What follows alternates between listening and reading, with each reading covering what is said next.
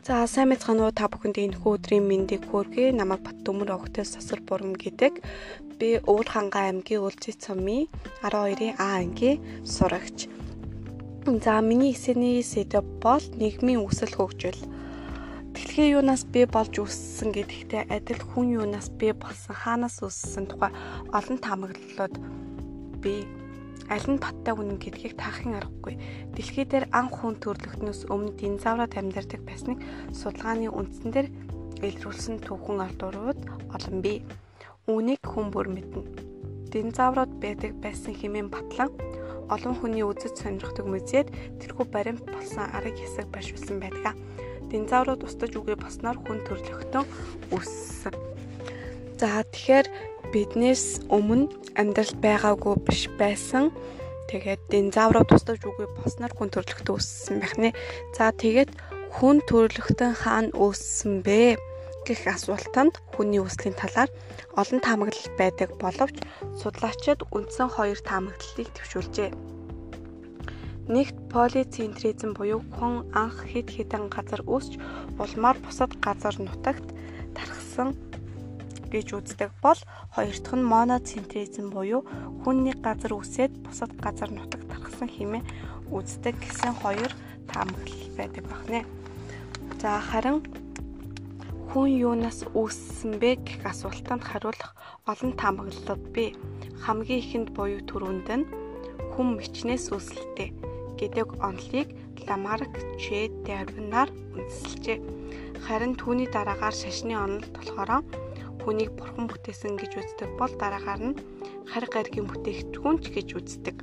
Бас үлэг гөрвөл шувуу загснаас үүсэлдэг гэх олон таамаглалтууд байдаг байх нэ. За хүн орчин үеийн дүр төрхийг олохын тулд хүн дүрт мичний өвөг протантрол үүний дараагаар балар эртний хүн буюу петентрол homo habilis нэг сая жилийн өмнө өссөн. За Homo habilis нэг сая жилийн өмнө өссөн. За чадамгай хүн орчин үеийн хүний байдал шилжин хөдөлмөрийн анхны бүдүүлэг багад зэвсэг хийж хэл яриа үүсч галыг хэрэглэх болсон байна. Эртний хүн палеонтрол 200-аас 250 мянган жилийн өмнө өсөж овгийн харилцаа үүсэг хэл яриа боловсронгуй болсон. Шинэ хүн неантрал буюу Homo sapiens босоо явагч хүн 40 мянган жилийн өмнө үсжээ. Шинэ хүн үснээр хүний нийгэм үсэж амьтдыг гэрэн тэжээвэр болгожээ. За тэгээд шинэ хүн үснээр нийгэм бий болсон байх нэ. За хүмүүс энэ төрхөө осноод нийгэм үүсэж олон үе шатыг дамжин орчин үе буюу аж үйлдвэрчсэний дараах нийгэмд амьдарч байгаа юм. А агнуур төвөрлөгчдийн нийгэм хамгийн удаан үргэлжилсэн бөгөөд аж үйлдвэрчсэн нийгэм хамгийн бага богино оршин тогтносон. За тэгэхээр энэхүү нийгэм үүсээд олон үе шатыг дамжсан. Тэгээд А агнуур төвөрлөгчдийн нийгэм болохоор хамгийн удаан цаг хугацаанд үргэлжилсэн.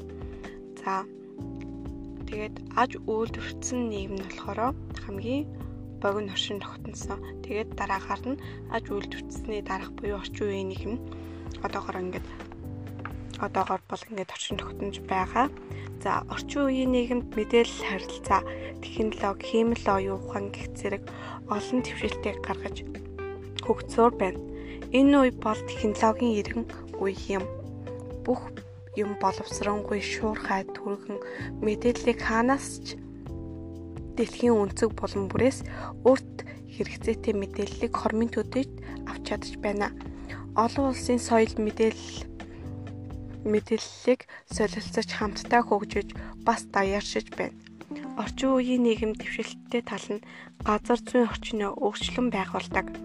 Байгалийн нөхц баялагын соёл, төвхийн амьдралын хэрэгсэл болгон ашигладаг. Харин сөрөг тоолд нь экологийн тэнцвэрийг алдагдуулах хүний эрүүл мэнд амь насанд аюултай элдв бодис хаягдал агаар мандал газрын хөрс гол мөрөн далаа тэнгисийг бохирдуулдаг. Энэ бүгд нь болохоор хүний үйл ажиллагаагаар явагддаг бахнэ. За энэхүү хөгжсөн нийгмийн гол шинж нь хөдөлмөрийн хуваар нь гүнзгий хөгжсөн. Хүмүүс хоорондын харилцаа нь үүргийн шинжтэй. Нийгмийн харилцааг албан ёсны хэм хэмжээгээр зохицуулна. Нийгмийн гишүүд нь янз бүрийн бүлэг давхраа институтын харилцаагаар холбогдсон удирдлагын нийлмэл системтэй. За тэгэхээр энэ нийгэм нь хүмүүсийн харилцаа албан ёсных албан ёсоор зохицуулагддаг нийгмийн гишүүд нь янз бүрийн давхраанд хуваагддаг байна. За нийгэм бий болсноор өмч хөөрөнг, эд баялаг, нэр хүнд, эрх мэдлэрээ зааглагдан давхраачлалтыг бий болгодог. За давхраачлалтын хэмжигдэхүүнд эд баялаг боловсрал, эрх мэдэл, нэр хүн дээрээ зааглагдан давхраачлалтанд хуваагдана. За тэгэхээр давхраачлалт гэдэг нь өмч хөрөнгөөрөө эд баялаг за тэгээд эрх мэдэл нэр хүн дээрээ дээд доод гэсэн олон давхраанд хуваагдана. За орчин үеийн нийгэмд болохоор дээд дунд гэж дээд хэсэг нь түүний доотх буюу дээд дундаас дээгүүр хэсэг дунд дундаас доогуур доод гэж нэм давхраанууд хуваагддаг байна. За хамгийн сүүлд дүгнэж хэлэхэд нийгэмд хүн нийгэмших хэрэгтэй.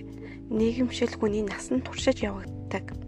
Энэ мэдээлэл технологийн эрен үед мэдлэг хамгийн чухал энд тэргуун тавигдах басан үе.